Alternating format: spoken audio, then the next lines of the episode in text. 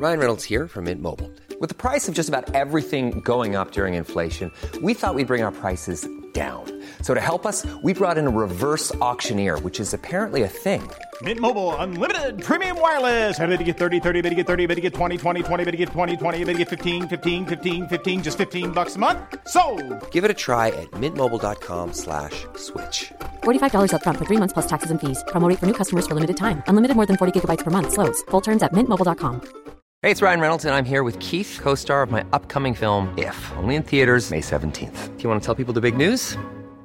All right, I'll do it. Sign up now and you'll get unlimited for $15 a month in six months of Paramount Plus Essential Plan on us. Mintmobile.com slash switch. Upfront payment of $45 equivalent to $15 per month. Unlimited over 40 gigabytes per month. Face lower speeds. Videos at 480p. Active Mint customers by 531.24 get six months of Paramount Plus Essential Plan. Auto renews after six months. Offer ends May 31st, 2024. Separate Paramount Plus registration required. Terms and conditions apply if rated PG. Everyone knows therapy is great for solving problems, but getting therapy has its own problems too, like finding the right therapist, fitting into their schedule, and of course, the cost. Well, BetterHelp can solve those problems. It's totally online and built around your schedule.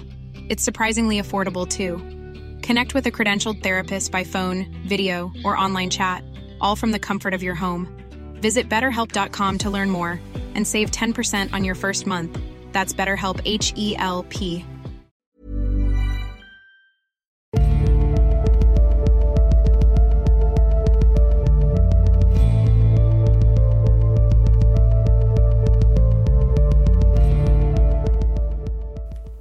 Hei og velkommen til eh, Tåkeprat.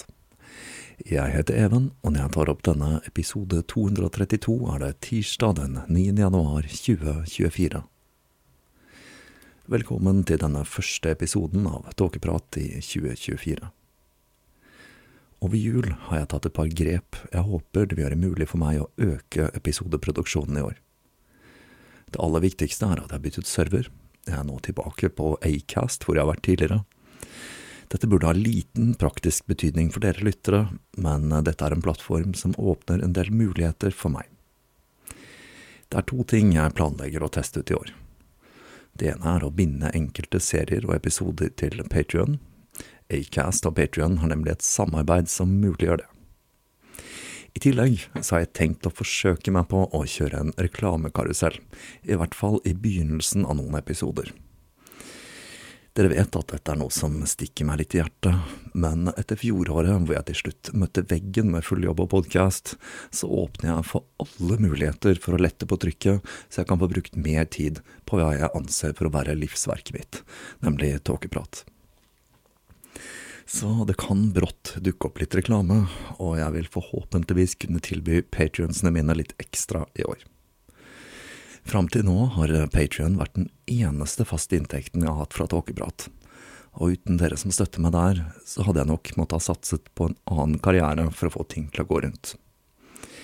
Så nå som det er sagt, skal vi sette i gang med årets første episode. Og jeg må si at dette er en jeg har gledet meg til, og som jeg har storkost meg med å sette sammen. For nå skal vi gjøre løs på hva jeg tror må bli den andre delen i en serie om ting som irriterer meg. Det norske skolesystemet var den første, og nå er det altså igjen på tide å snakke om denne krigen mot narkotika. Vel, ikke hele krigen, men en del av den. Som den observante lytter sikkert har fått med seg, så syns jeg den regjerende norske rusmiddelpolitikken er noe som hører hjemme på historiens skraphaug sammen med fornorskning av samer og jødeforbud. Men det er et veldig stort tema, og nå tenkte jeg å fokusere på hva jeg vel må kunne kalle den teiteste delen av krigen mot narkotika, nemlig forbudet mot cannabis. Bakgrunnen for denne episoden er at jeg i lengre tid har tenkt på å fortelle denne historien, men i mitt stille sinn har jeg overtalt meg selv om at dette er en historie de aller fleste kjenner til, og som dere sikkert skjønner, har jeg nå kommet fram til at der tok jeg feil. Selv om dette er en historie jeg så vidt har vært innom i denne podkasten tidligere, og det er en jeg selv kjenner veldig godt, så er den ikke i nærheten av å være så kjent som den burde være. Og jeg mener dette er en historie som alle som ønsker å ta stilling til cannabis, bør kjenne til. For i bunnen av dette forbudet, som i dag er i ferd med å forsvinne i store deler av den siviliserte verden, ligger en historie om markedskrefter, rasisme og en politisk motivert agenda og det har aldri vært snakk om helse eller vern av individet, slik man kan få inntrykk av ved første øyekast. Mange av dere har sikkert ikke fått med dere at det i dag er lov med medisinsk cannabis i Norge. Det kom som en følge av Schengen-samarbeidet, og det gikk nok litt under radaren for de aller fleste. Det har vært forbausende lite skriverier i pressen om dette, en presse som i flere tiår har turet på med overskrifter i krigstyper om farene ved cannabis. Men la oss først se litt nærmere på hva cannabis er for noe. Her skal jeg forsøke å gjøre det enkelt, men litt forkunnskap må vi ha med oss før vi begir oss ut i resten av historien.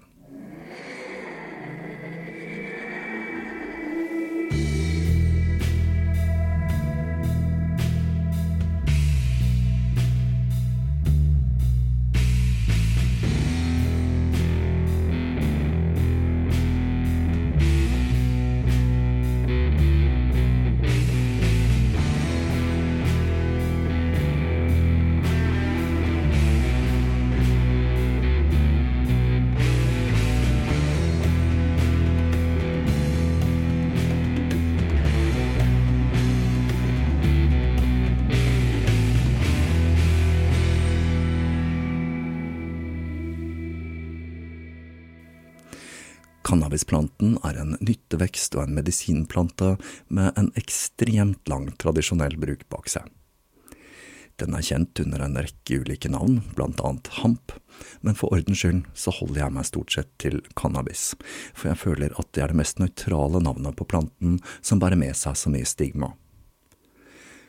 Det første dokumenterte tilfellet av medisinsk bruk av planten stammer tilbake til 2800 år før Kristus i Kina men man antar at kultiveringen og bruken av planten strekker seg mye lenger tilbake i tid.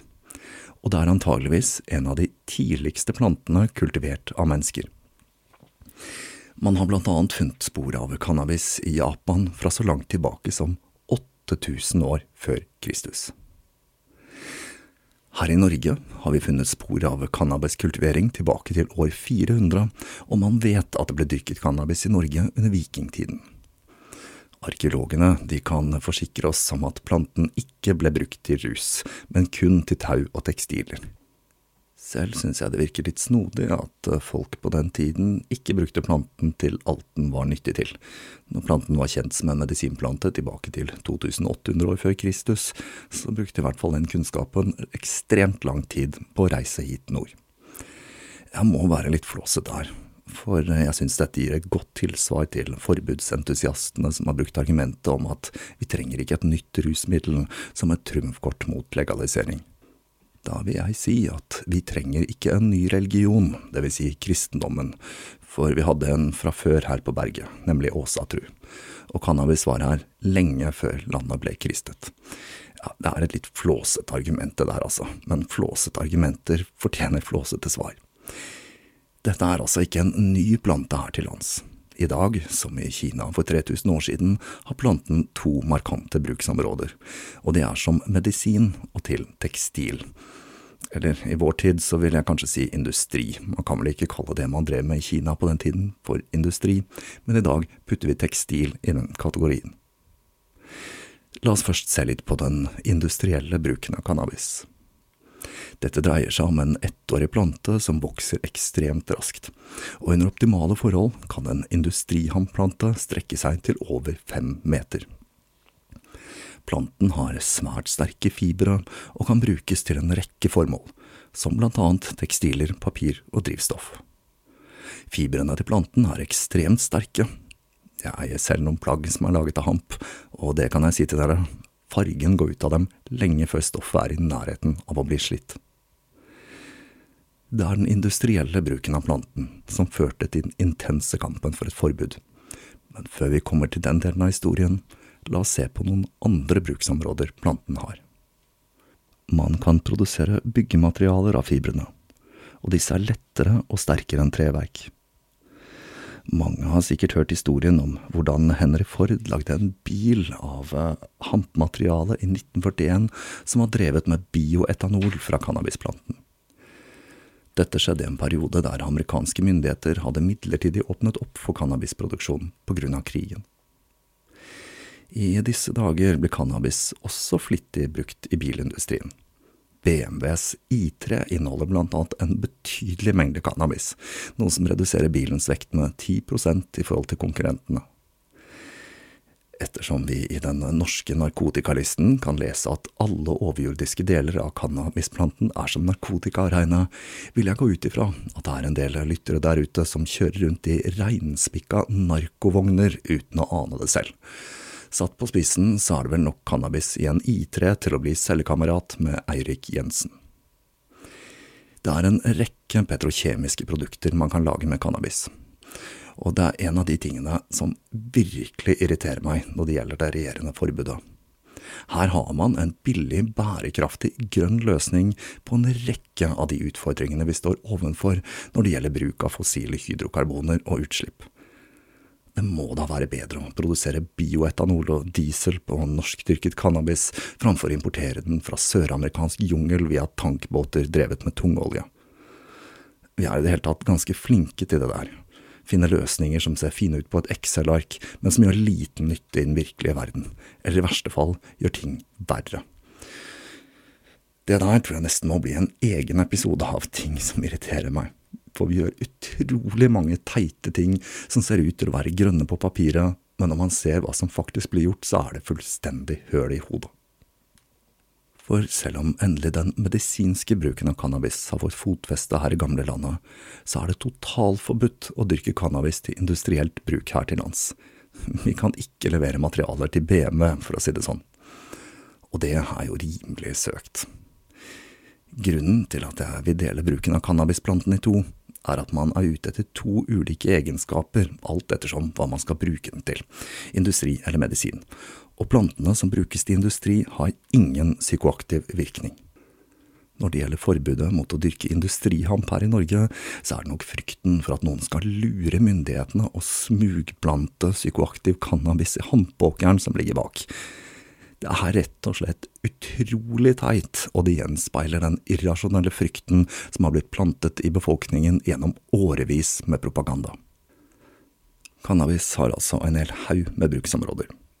Hamprotein har en av de mest komplette næringsprofilene til planteproteiner. I dag er det mulig å kjøpe cannabisprotein i de fleste helsekostbutikker, i tillegg til en del dagligvarer. Selv er dette mitt foretrukne protein til trening, da det inneholder en god dose med kostfiber, og det er lettere fordøyelig enn en del andre proteintyper.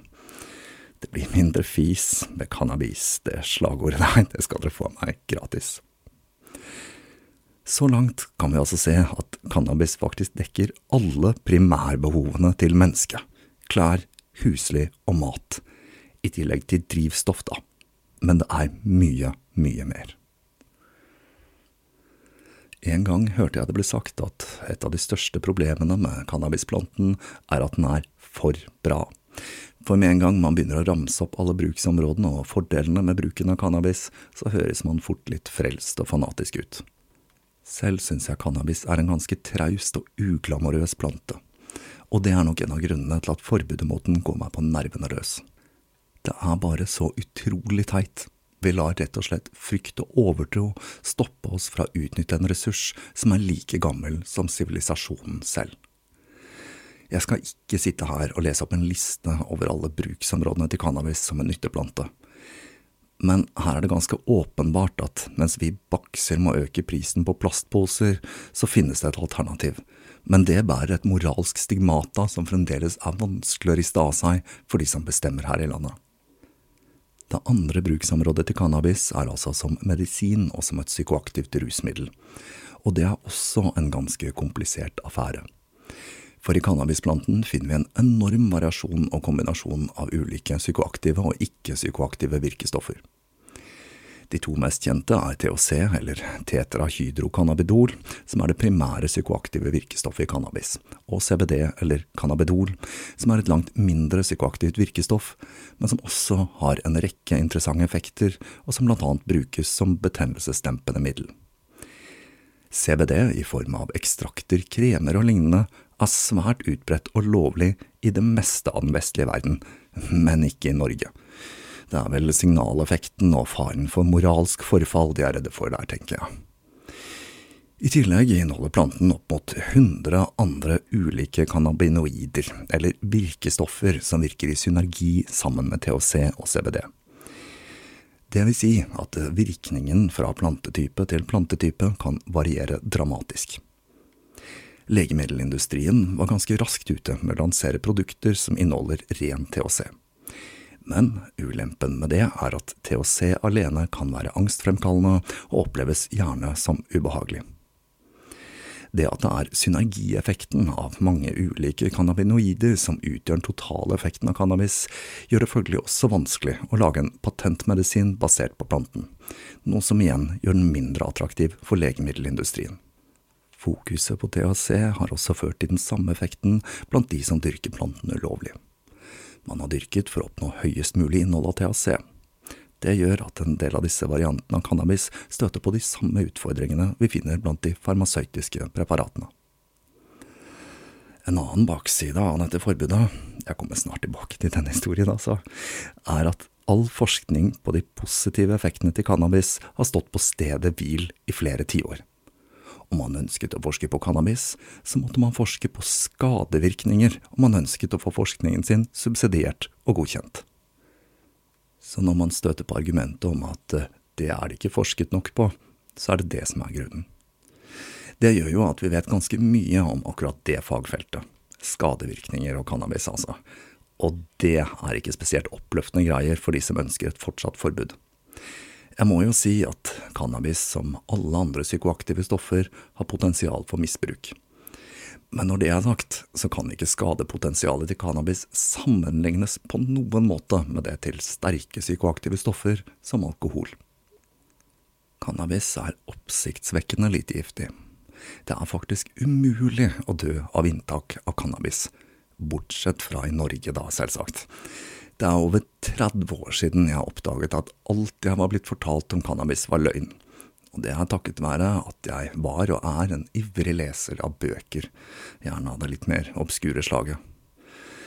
Jeg kan ikke huske nøyaktig hvor jeg snublet over historien om cannabis for første gang, men jeg har fulgt utviklingen her til lands og i resten av verden i løpet av disse årene, og sett hvordan legaliseringsvinden har snudd i ulike retninger, før hele forbudet nå en gang for alle ser ut til å bli en del av historien vi ikke kommer til å være så veldig stolte av.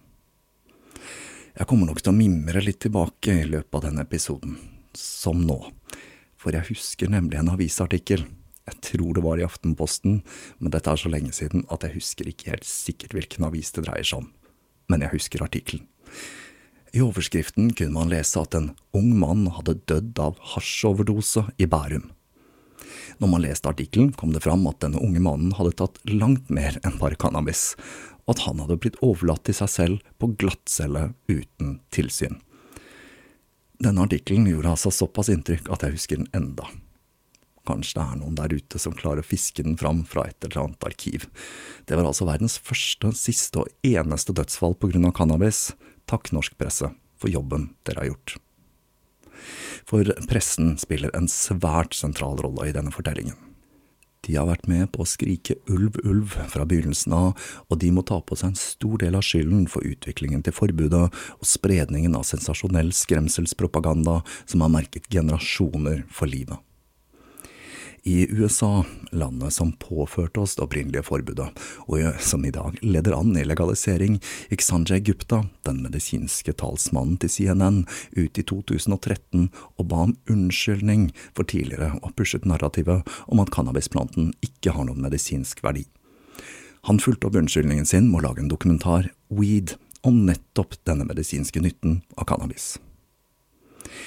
I Norge har jeg ofte hørt argumentet om at cannabislegalisering det er noe amerikanerne driver med, og medisinsk cannabis ble ofte avfeid som et litt tullete amerikansk påfunn. Igjen, det var i USA det startet, og det er nå USA som tar føringen i å fjerne forbudet.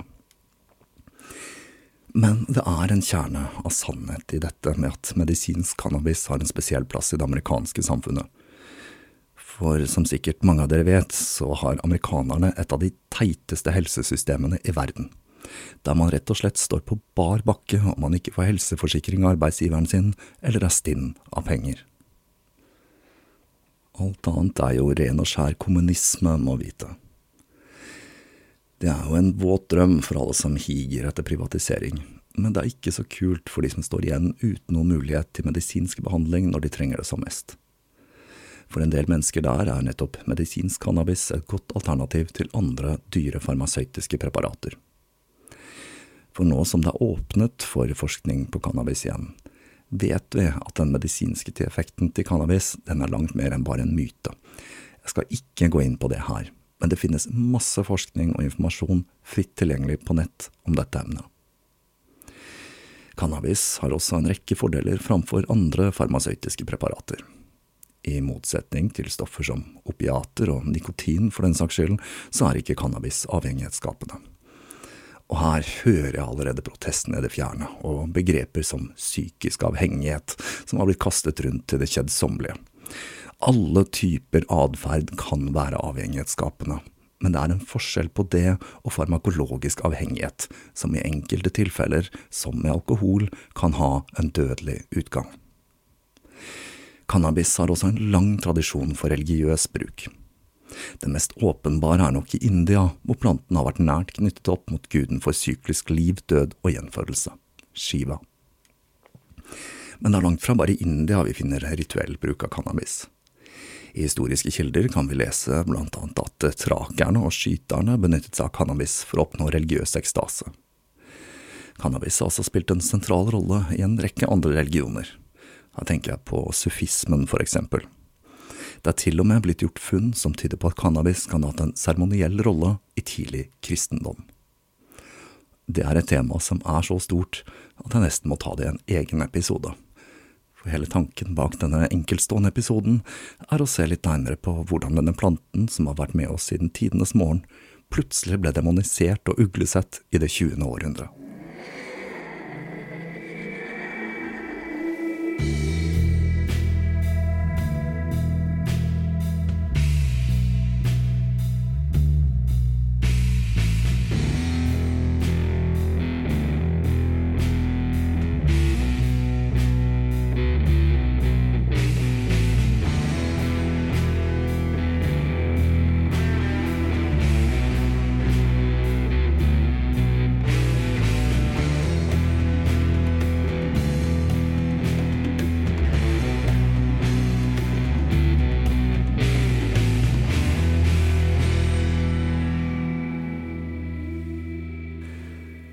Er ikke sånn at cannabis ikke hadde blitt forsøkt gjort forbudt tidligere.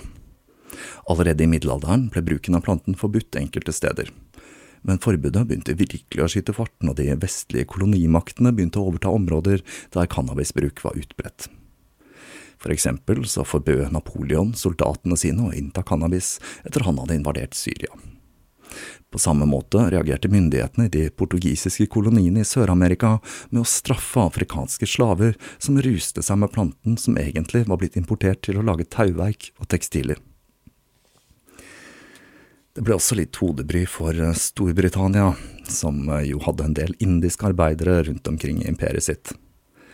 I 1894 gjennomførte det britiske styret i India en omfattende undersøkelse om skadeeffektene til cannabis, og de kom fram til at bruken av cannabis så ut til å ha liten eller ingen skade på individet, og hadde heller ingen påvirkning på samfunnet som helhet. Og det er jo litt interessant, for som vi skal se senere i denne historien, så er dette en konklusjon man trekker igjen og igjen, uten at det stopper forbudstoget. Men la oss bare hoppe rett tilbake til et USA der cannabis var et vanlig medisinsk preparat, sammen med ting som opium og kokain. Det er klart at ved forrige århundreskifte så var ikke den farmasøytiske industrien superavansert, og skillet mellom kvakksalveri og medisin det var ikke så veldig tydelig. Selv om det var bølger der cannabis ble brukt rekreasjonelt, som i 1862, da Vanity Fair kjørte en reklamekampanje for hasjkarameller som ble sagt å kurere melankoli, så var den rekreasjonelle bruken av cannabis relativt ukjent i statene.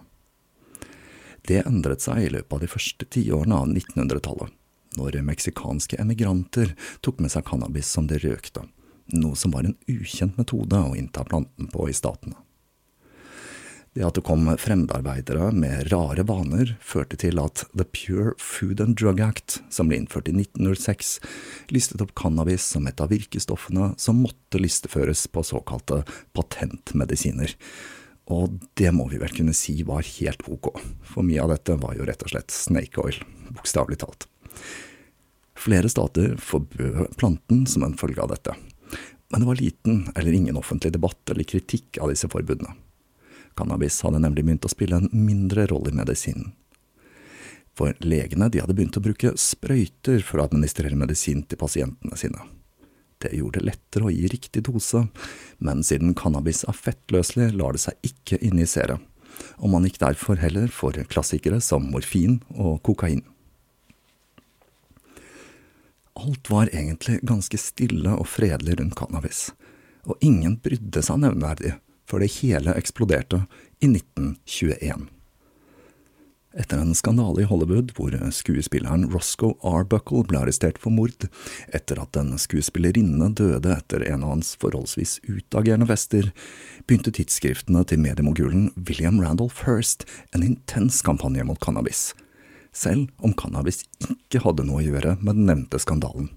Der inngikk det alkohol, morfin og en voldtekt, ser det ut til. En av historiene skulle ha det til at Roscoe regelrett moste denne skuespillerinnen under et voldtektsforsøk, siden han var en ganske røslig fyr. For fibre fra cannabisplanten, de er tungvint. Everyone knows therapy is great for solving problems, but getting therapy has its own problems too, like finding the right therapist, fitting into their schedule, and of course, the cost. Well, BetterHelp can solve those problems. It's totally online and built around your schedule. It's surprisingly affordable too. Connect with a credentialed therapist by phone, video, or online chat, all from the comfort of your home. Visit betterhelp.com to learn more and save 10% on your first month. That's BetterHelp, H E L P. If you thought the only way to get a more defined jawline with natural looking results was through surgery, think again. Juvederm Volux XC is a non surgical injectable gel filler that improves moderate to severe loss of jawline definition and can help you achieve natural looking results with little downtime. Even better, this improved definition lasts up to one year with optimal treatment. No maintenance required. Improve jawline definition for a smooth, sculpted look with Juvederm Volux XC. For important safety information and to find a licensed specialist, visit juvederm.com. That's J U V E D E R M.com. Not for people with severe allergic reactions, allergies to lidocaine, or the proteins used in Juvederm. Common side effects include injection site redness, swelling, pain, tenderness, firmness, lumps, bumps, bruising, discoloration, or itching. There's a risk of unintentional injection into a blood vessel, which can cause vision abnormalities, blindness, stroke, temporary scabs, or scarring. Talk to a licensed specialist to find out if it's right for you. Og utvinne for hånd. Men dette hadde blitt løst på slutten av 1800-tallet med en maskin, en decorticator, som automatiserte prosessen og gjorde utvinningen av fibre ekstremt mye enklere. Dette gjorde at cannabis plutselig ble ansett som en trussel mot en rekke eksisterende industrier, deriblant papirindustrien som Hearst var tungt investert i. Historien går slik at Hearst allierte seg med Andrew Mallon, som hadde investert i DePont-familiens store nysatsing Nylon, som også så på det nye potensialet til cannabis som en trussel. På Wikipedia kan jeg lese at celluloseinnholdet i cannabis er lavere enn det i treverk, og dette blir brukt som et argument mot at dette var motivasjonen bak kampanjen til Hearst. Da vil jeg henvise til serien om Tesla og hvordan han ble motarbeidet fordi man trodde at han var i stand til å lage et trådløst verdensomspennende elektrisitetsnett, selv om dette nok var langt utenfor hva han, var i stand til å få til om han hadde fått muligheten. Så dette argumentet det holder rett og slett ikke. Jeg synes det virker ganske åpenbart at dette var et forsøk på å underminere den industrielle produksjonen av cannabis, og det er ganske mange flere enn meg som mener akkurat det. Hearst sine tidsskrifter begynte å skrive om en ny type narkotika, som førte til ekstrem avhengighet, blind vold, voldtekt av hvite kvinner og tortur. Artiklene var krydret med tegninger av lettkledde unge kvinner og skumle, svartmuskede menn som røkte dette nye djeveldopet.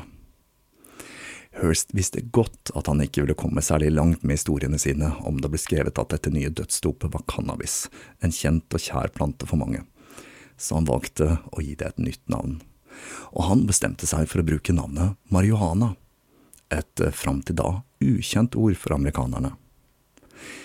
Det er høyst uklart hvor han egentlig fant dette navnet. Jeg har lest en rekke ulike forklaringer på akkurat det. Men det viktige her er at det var et nytt ord som gjorde det mulig å demonisere cannabis, uten at folk skjønte hvilken plante dette faktisk dreide seg om. Som et eksempel på skriveriene til Hirst, så kan vi lese Hele den skrekkelige affæren bærer alle kjennetegn til arbeidet til en morderrøyker. De tre kvinnene, tre ulike i tre forskjellige deler av landet, ble dynket med bensin og satt fyr på dreier disse drapene seg om morderrøykere. Ti til én på at de gjør det.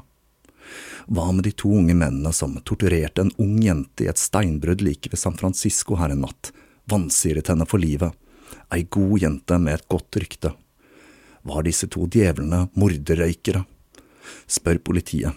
De vil fortelle deg om morderrøykerforbrytelser, fortellinger som vil få blodet til å fryse i selv de roligste årer. Og det var en finfin fin nyhetshistorie fra 1927. Det at marihuana var forbundet med fargene og de lavere klassene i samfunnet, gjorde at journalister, politikere, politi og resten av samfunnet hadde funnet noe de kunne prosjektere frykten sin på. Krigen mot narkotika, den samme krigen som fremdeles pågår i dag, og som har kostet utallige mennesker livet og mulighet for en framtid, var i gang. For det stoppet ikke der. Dette var jo under forbudstiden i USA. De amerikanske myndighetene var i full sving med å slå ned på ulovlig produksjon og salg av alkohol. Det gikk jo som kjent ikke så veldig bra. Det førte jo ikke bare til forgiftninger av personer som kjøpte dårlig sprit, men det førte også til at mafiaen fikk solid fotfeste i USA. Dette høres kanskje kjent ut, for denne historien var i ferd med å gjenta seg.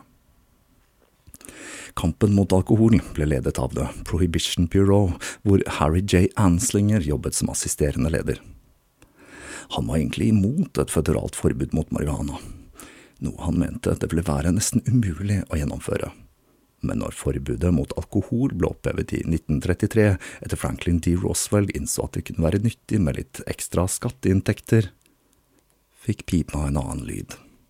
Nå hadde hun jo masse arbeidskraft tilgjengelig når han tok roret i det nyopprettede The Narcotics Bureau.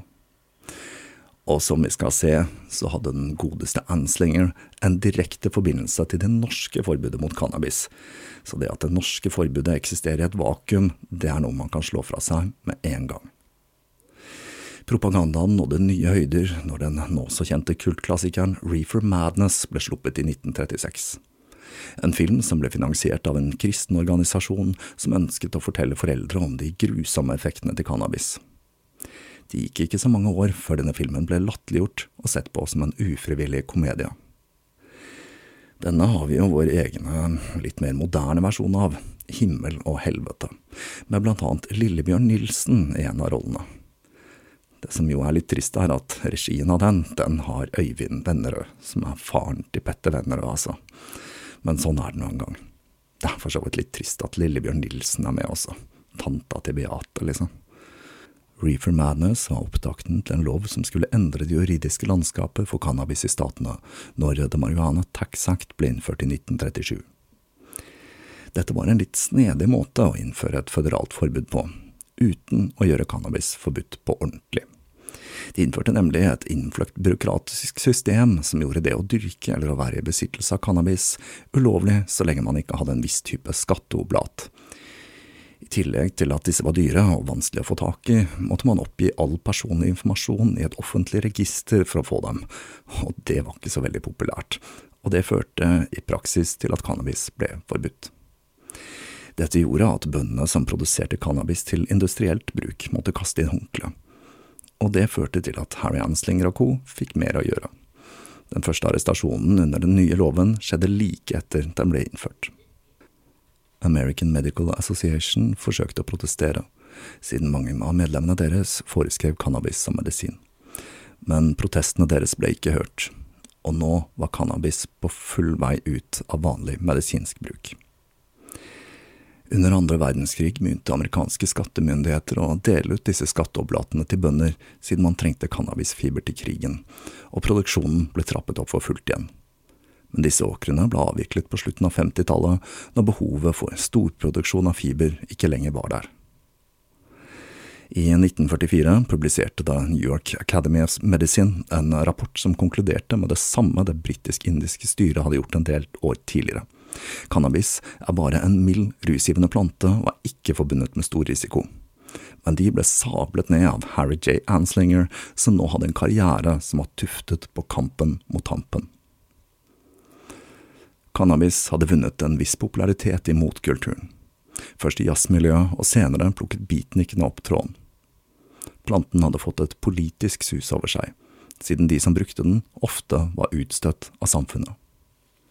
For folk flest på 50-tallet var heroin, kokain og cannabis samme. Det var narkotika, og alle substansene var fremmede, skremmende og førte til død og undergang.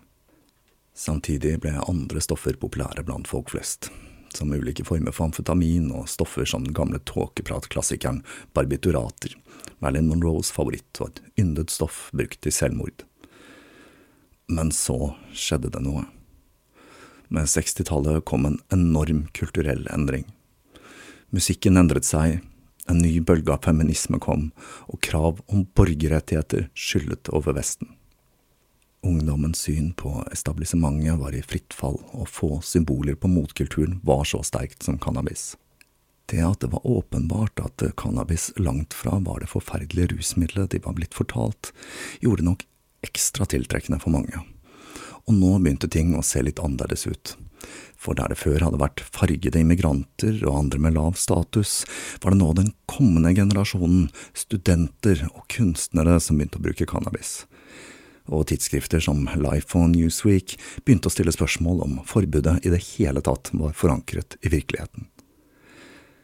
Selv Anslinger gikk ut og sa at han syntes straffene for cannabisbesittelse var for strenge men til tross for det tidoblet arrestasjonene for besittelse av cannabis seg mellom 1965 og 70. Og nå kommer vi til en del av historien jeg har dekket tidligere her i Tåkeprat. I 1968 ble Richard Nixon valgt, og han lovte å intensivere krigen mot narkotika, samtidig som vi i Norge fikk presentert himmel og helvete med Lillebjørn Nilsen. Norge hadde nemlig hoppet på FNs narkotikakonvensjon og forbød cannabis i 1965. Denne konvensjonen, som ble ferdigstilt i 1961, var et forsøk på å slå sammen flere lover som blant annet kontrollerte handelen av opiater og kokain. Og for første gang så ble også cannabis rammet av en internasjonal konvensjon. Jeg syntes det var litt rart, helt til jeg oppdaget at Harry J. Anslinger var USAs representant i rådet som skrev denne konvensjonen, og da falt plutselig brikkene på plass.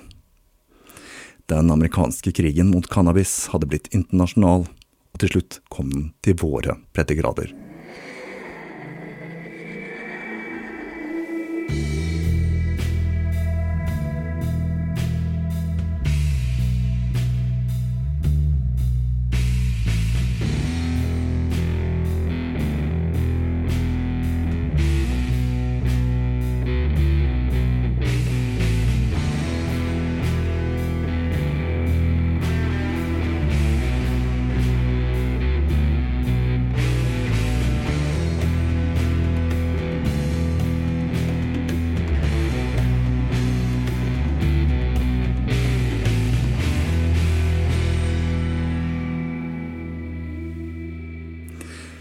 Så skjedde det noe som skulle endre det politiske landskapet i USA igjen.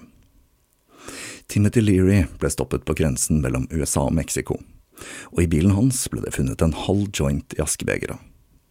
Han ble arrestert for å bryte The Mariana Tax Act.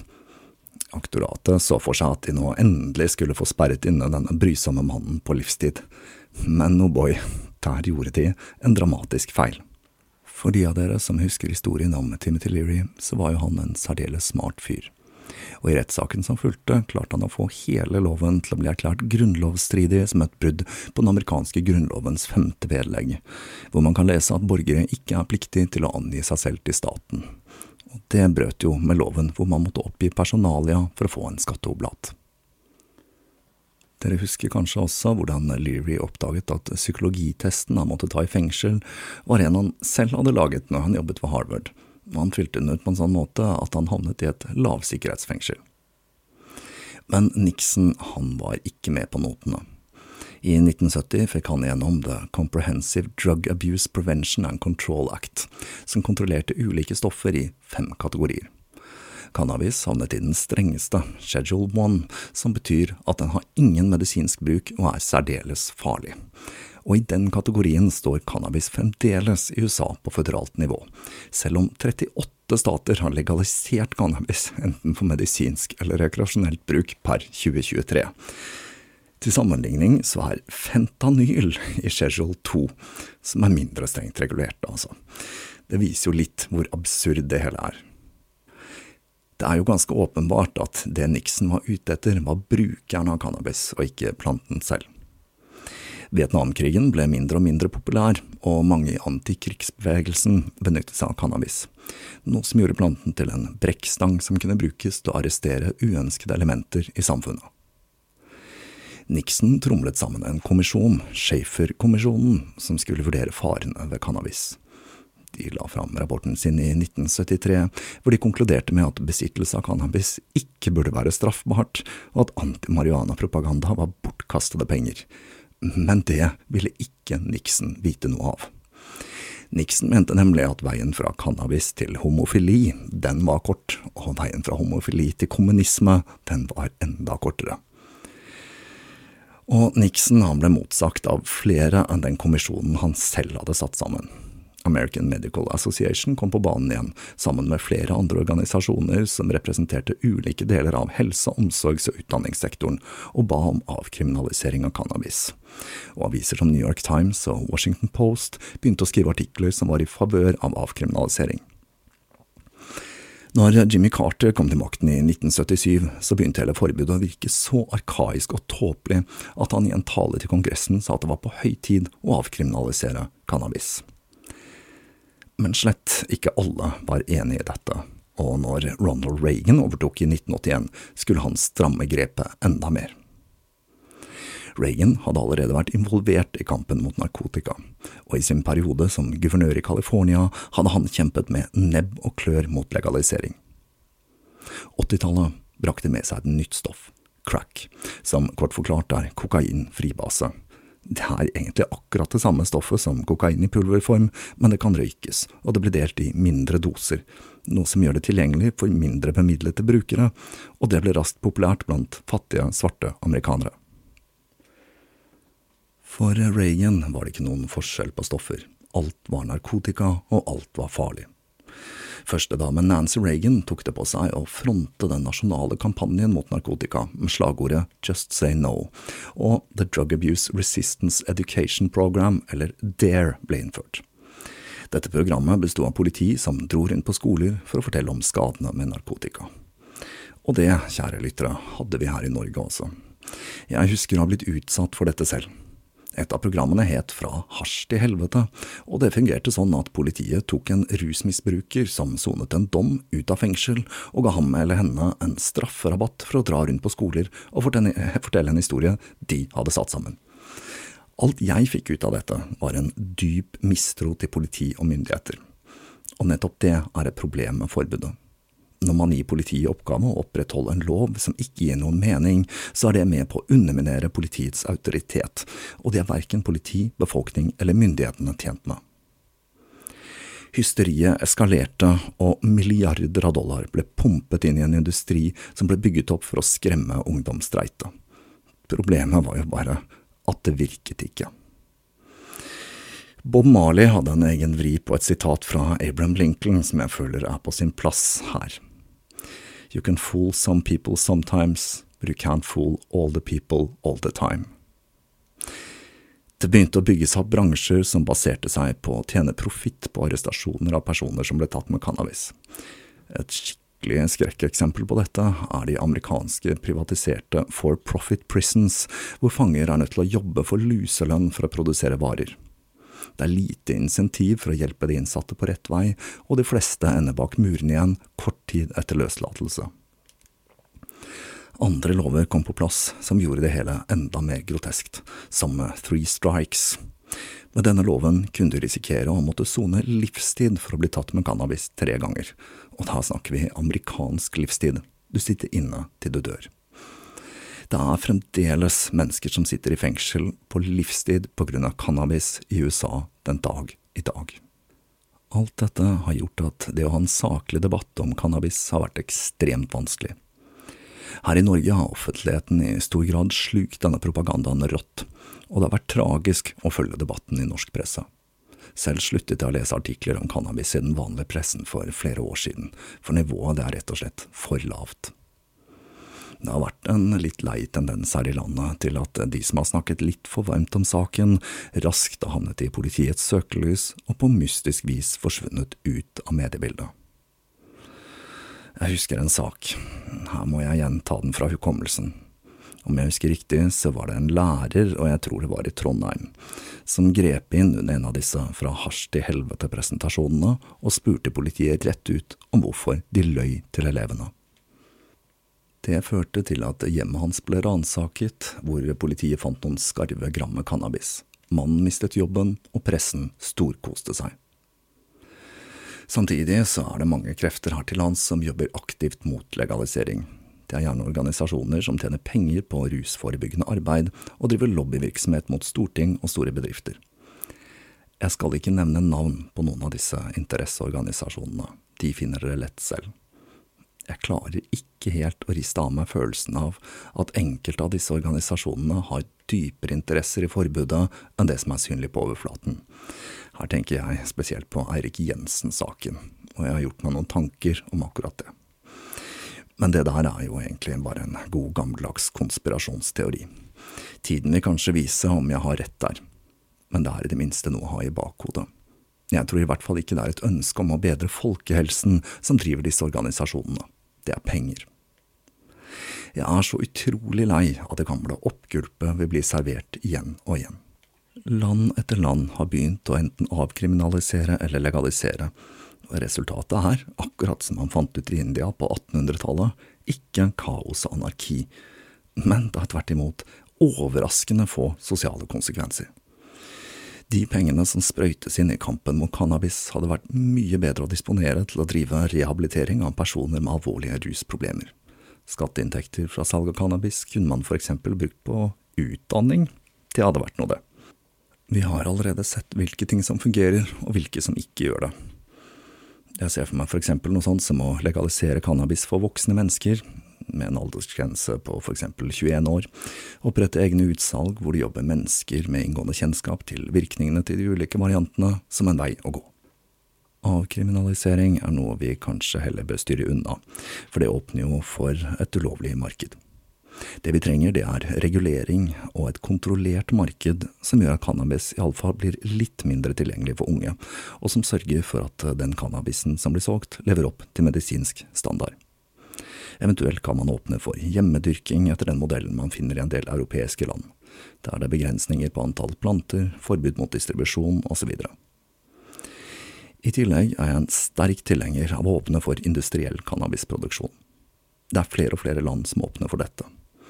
Men i dag så er det Kina som er verdenslederen der ute, men i Kina, der risikerer du også å få en kule i nakken av Xi Jinping om du blir tatt med den psykoaktive varianten, og jeg stoler heller ikke helt på at Kina har etisk produksjon av cannabis på stell.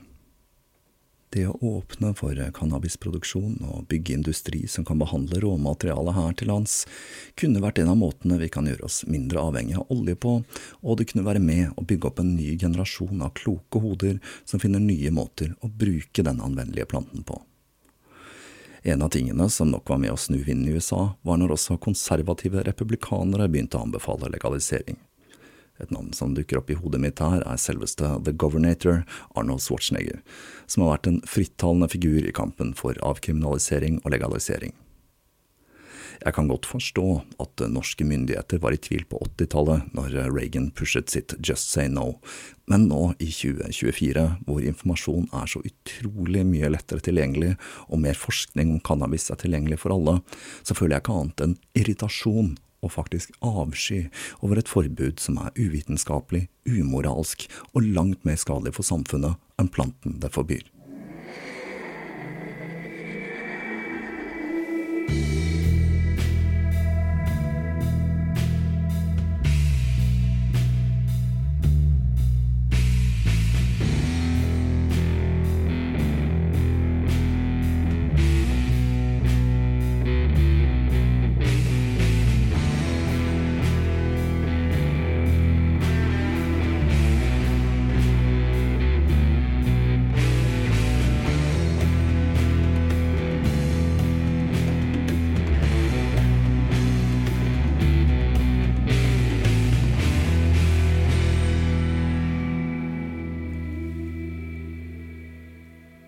Det avslutter jeg denne andre delen i Ting som irriterer meg.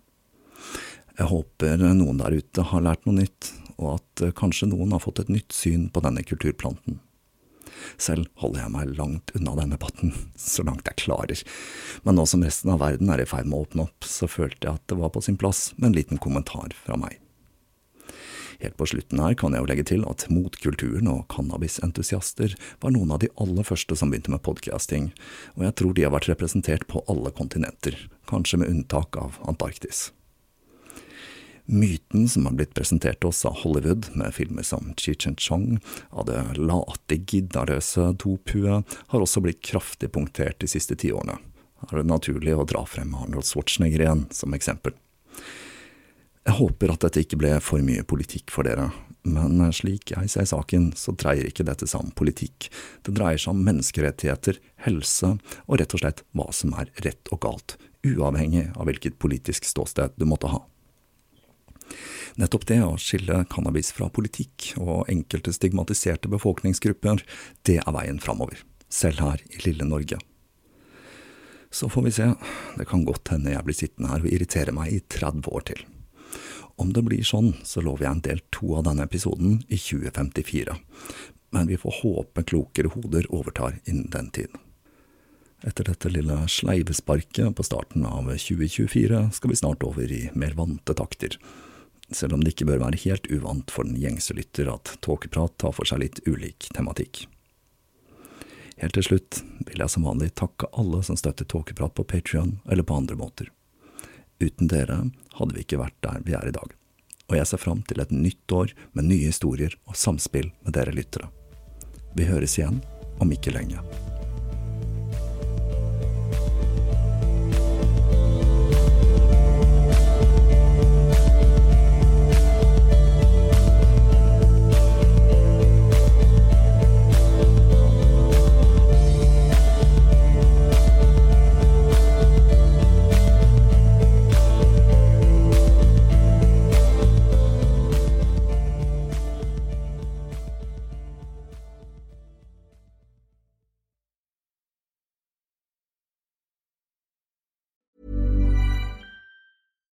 It's Paige DeSorbo from Giggly Squad. High quality fashion without the price tag. Say hello to Quince.